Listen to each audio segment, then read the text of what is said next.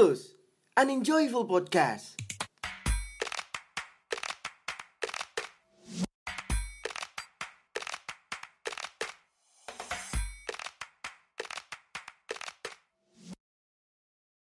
Mereka minta tolong diselesaikan secara kekeluargaan. Ya, ya nggak bisa dong. Ini bukan hal sepele.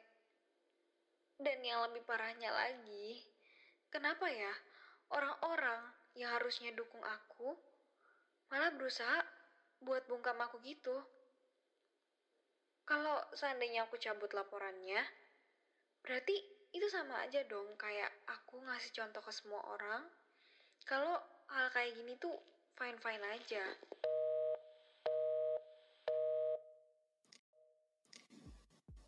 Cerita mengenai kekerasan seksual hanya menjadi kabar angin belaka. Berawal dari kebungkaman-kebungkaman, mengumpulkan banyaknya penyintas di berbagai kalangan. Entah itu bungkam karena rasa malu, takut, tidak punya bukti, untuk menjaga nama baik diri sendiri ataupun menjaga nama baik suatu institusi, kita tidak tahu. Separuh dari banyaknya penyintas tidak mau melaporkan kejadian yang dialaminya kepada siapa pun, bahkan orang tuanya. Salah seorang penyintas mengungkapkan alasan kebungkamannya. Karena saya malu dan tidak percaya diri. Dan ketika berita tersebut sampai ke telinga keluarga, akan dianggap sebuah aib dan mempermalukan nama keluarga. Hal tersebut memang benar. Namun, ketika penyintas terus dihakimi atau dengan kata lain dipojokkan karena kekerasan yang terjadi kepadanya, hal tersebut akan mengganggu keadaan mental si penyintas dan berujung pada kebungkaman, sehingga menimbulkan pelaku-pelaku lain dan korban akan semakin bertambah. Pada bulan Maret lalu, diberitakan seorang paman di sebuah desa di Indonesia tega memperkosa keponakannya berkali-kali hingga melahirkan anaknya. Diketahui, sang paman sudah berusia lebih dari setengah abad, sedangkan si ponakan baru berusia 10 tahun. Kasus ini baru terungkap ketika korban melahirkan anaknya di sebuah puskesmas setempat. Sempat bungkam karena diancam pelaku, korban akhirnya berani buka suara dan mengaku telah dicabuli berkali-kali dengan dalih diajak bermain ke pantai. Hingga akhirnya orang tua korban melaporkan pelaku kepada polisi untuk mempertanggungjawabkan perbuatannya. Kasus lain terjadi pada bocah berusia 15 tahun yang merupakan pelaku pembunuhan tetangganya, yaitu bocah berusia 5 tahun. Sempat viral dan terpojokkan akibat pembunuhan yang ia lakukan Rupanya ada kisah tragis yang terjadi pada bocah 15 tahun tersebut. Kini, bocah itu tengah berbadan dua, atau dengan kata lain, tengah hamil. Selain menjadi pelaku pembunuhan, bocah 15 tahun tersebut juga menjadi korban pelecehan seksual. Pelecehan itu dilakukan oleh pacar dan dua orang paman dari bocah tersebut. Sang pacar mencabuli korban sebanyak tiga kali, namun disertai kekerasan. Diduga pacar korban mengalami kelainan seksual. Beda halnya dengan dua orang pamannya, yang mana salah satunya adalah sepupu dari ibu tiri si korban telah mencabuli korban sebanyak empat kali. Sedangkan pamannya yang lain yang merupakan cucu dari kakak ibu tiri si korban mencabuli korban sebanyak sembilan kali. Secara hukum, bocah 15 tahun tersebut terlibat empat kasus, yaitu kasus pembunuhan dan tiga kasus pencabulan. Hingga saat ini, penyidikan kasus pemerkosaan telah diselesaikan. Ketiga tersangka pemerkosaan telah diserahkan kepada pihak yang berwenang. Nah, sobat siklus, berikut kami rangkum beberapa opini dari sobat siklus sekalian. Perkenalkan nama aku Arin, aku dari komunitas Pintu Coklat, yang mana komunitas aku itu uh, ada sebuah program yang bergerak di bidang pemberdayaan perempuan juga uh, yang disebut Puan Bekarya. Pendapat aku tentang kasus pelecehan seksual di Indonesia. Menurut aku kasus pelecehan seksual atau pemerkosaan di Indonesia itu masih tinggi angkanya masih tinggi sekali tapi tidak terlalu dihiraukan ya oleh pemerintah kita ya. Tidak hanya pemerintah tapi mungkin tidak dihiraukan oleh orang-orang sekitar kita. Orang-orang sekitar masih menganggap bahwa kasus pelecehan itu kesalahan dari korbannya. Ya bayangin aja dong pasti mereka mencari alibi mencari kambing hitam mencari kesalahan dari korban tersebut. Contohnya nih ya beberapa kesalahan klasik yang sering terjadi yang sering menjadi tanggapan menjadi respon dari masyarakat dari pihak yang berwenang ketika ada kasus pelecehan. Pertama ya kenapa korban memakai pakaian yang minim? Laki-laki tuh susah kan menahan, menahan nafsu gitu. Tahu kayak gitu korban masih memakai pakaian yang minim. Seharusnya korban bisa memakai pakaian yang sewajarnya kedua masalah pakaian ya. Padahal faktanya adalah kasus pelecehan itu tidak melihat pakaian.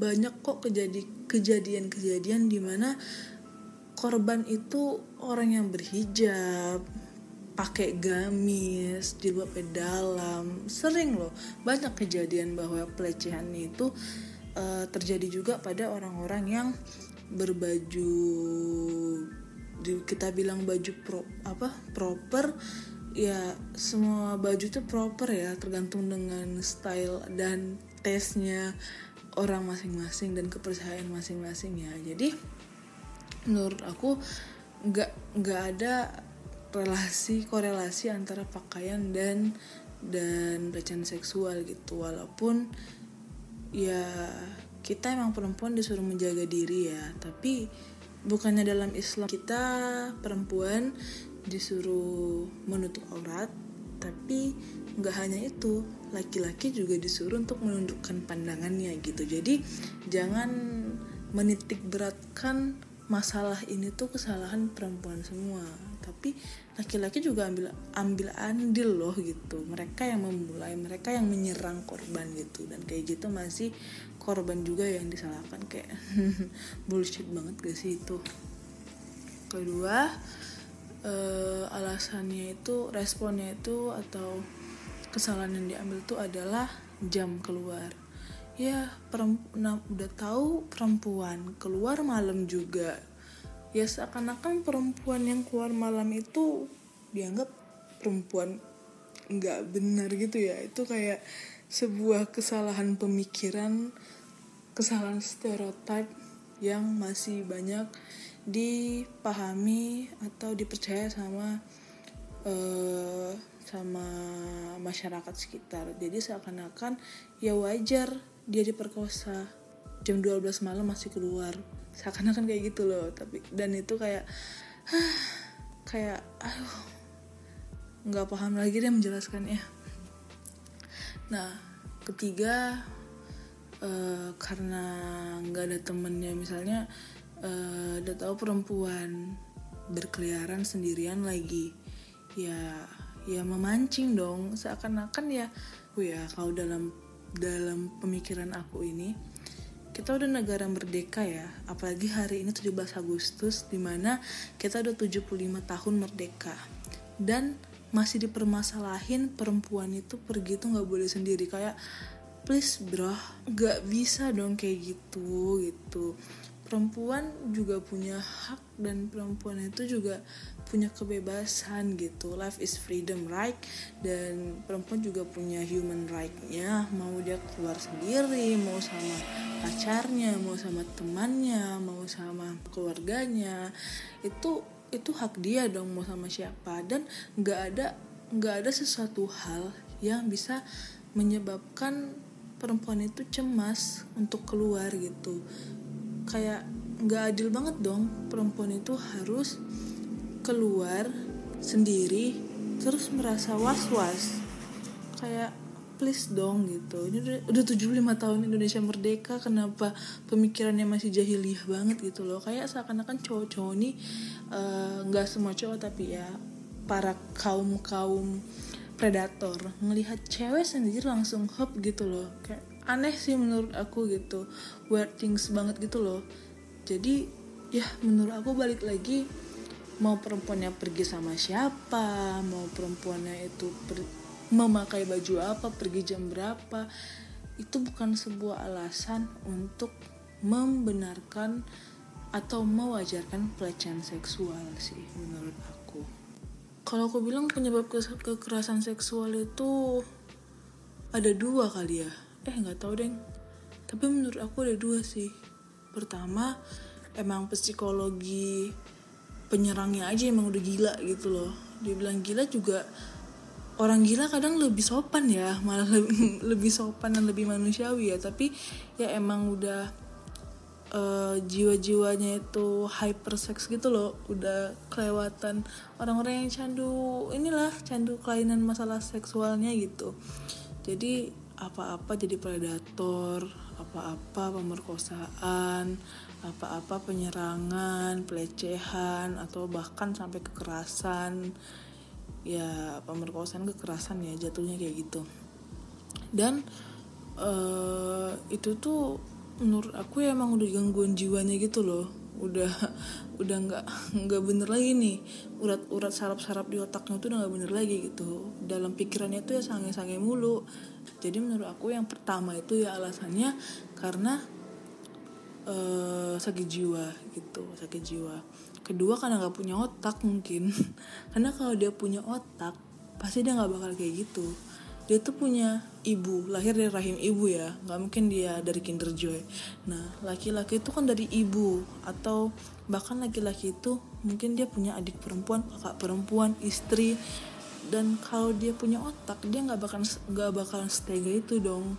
Memperkosa perempuan melakukan kekerasan seksual sama perempuan dia nggak bakal setega itu. Tapi dia bisa melakukan itu ya karena otaknya nggak ada gitu loh. Mungkin otaknya hilang itu mungkin karena dia emosi karena dia balik lagi back to sangean lagi gitu. Dan ya ujung-ujungnya ya kayak gitu.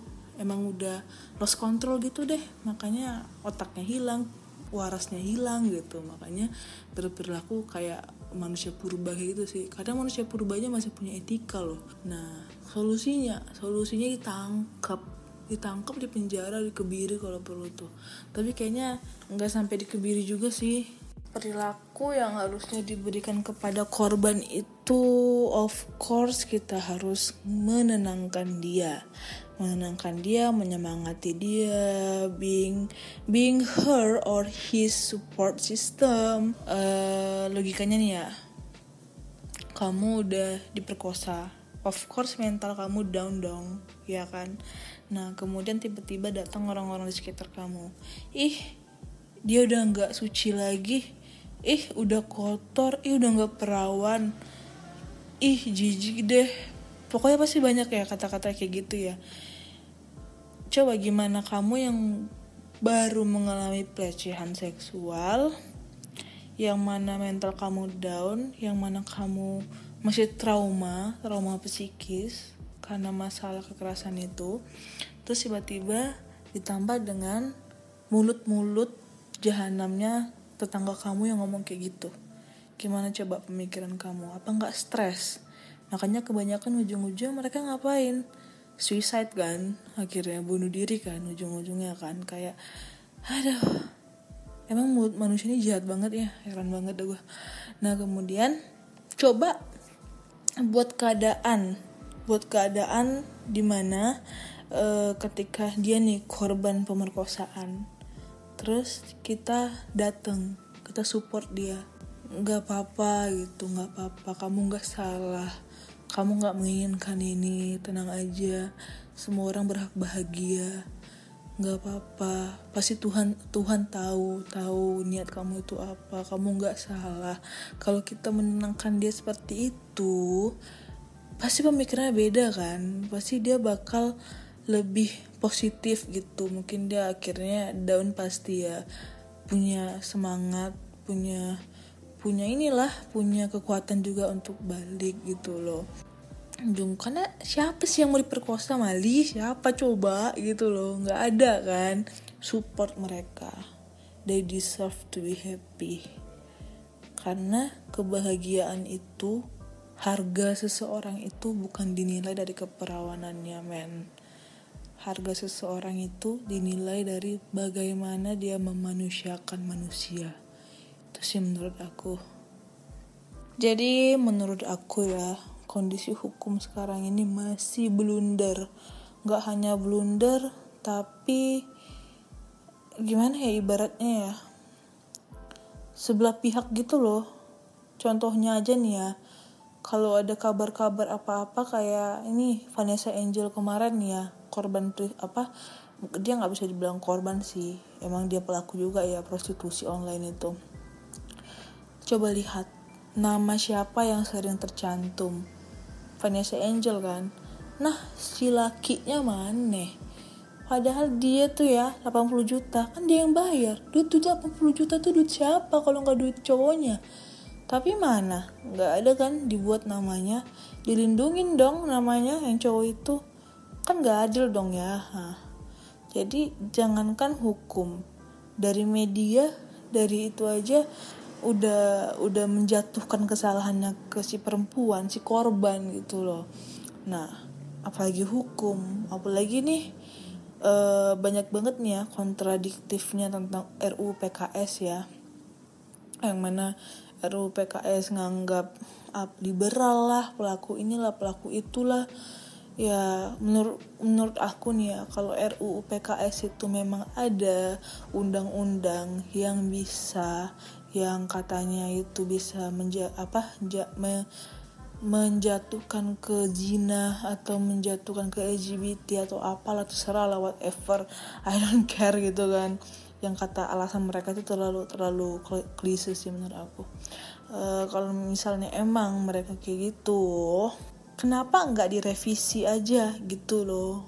Yang lain lagi ya yang paling ngeselin adalah menurut aku kenapa kenapa ini blunder banget kalau misalnya nih ya kita ke polisi korban nih misalnya gue korban nih terus ke polisi terus bilang e, pak saya korban pelecehan seksual. Terus misalnya kita di visum ya visum. Pokoknya pemeriksaan pemeriksaan itulah. Ntar sambil pemeriksaan pasti nanya kamu menikmati nggak? Anjir ya kali cuy. Gue diperkosa kayak gitu menikmatin. Ngeselin gak sih dan itu sering banget terjadi sering banget di twitter itu korban-korban itu nggak mau speak up itu ya karena kayak useless loh kayaknya kalau speak up masalah itu ke pemerin ke polisi atau ke bagian hukum-hukum gak guna cuy. Ujung-ujungnya apa? Perempuan juga yang disalahin. Ya balik lagi tadi kayak yang uh, aku bilang di pertama tadi tiga hal respon klasik yang bakal diberikan oleh orang yang berwenang itu yaitu ah ada lagi nih yang lucu nih cerita nih ya dari twitter nih. E, mutualan aku dia korban korban itu dan dia ngelapor ke polisi. Tau nggak selama pemeriksaan ditanya apa? Kamu rajin sholat nggak? Kamu sholat lima waktu. E, dan kayak hal-hal pribadi personal yang itu nggak nyambung sama sekali cuy. Jadi maksud mereka kalau misalnya orang jarang sholat itu sah untuk diperkosa. Kayak astaga gak ngerti dah.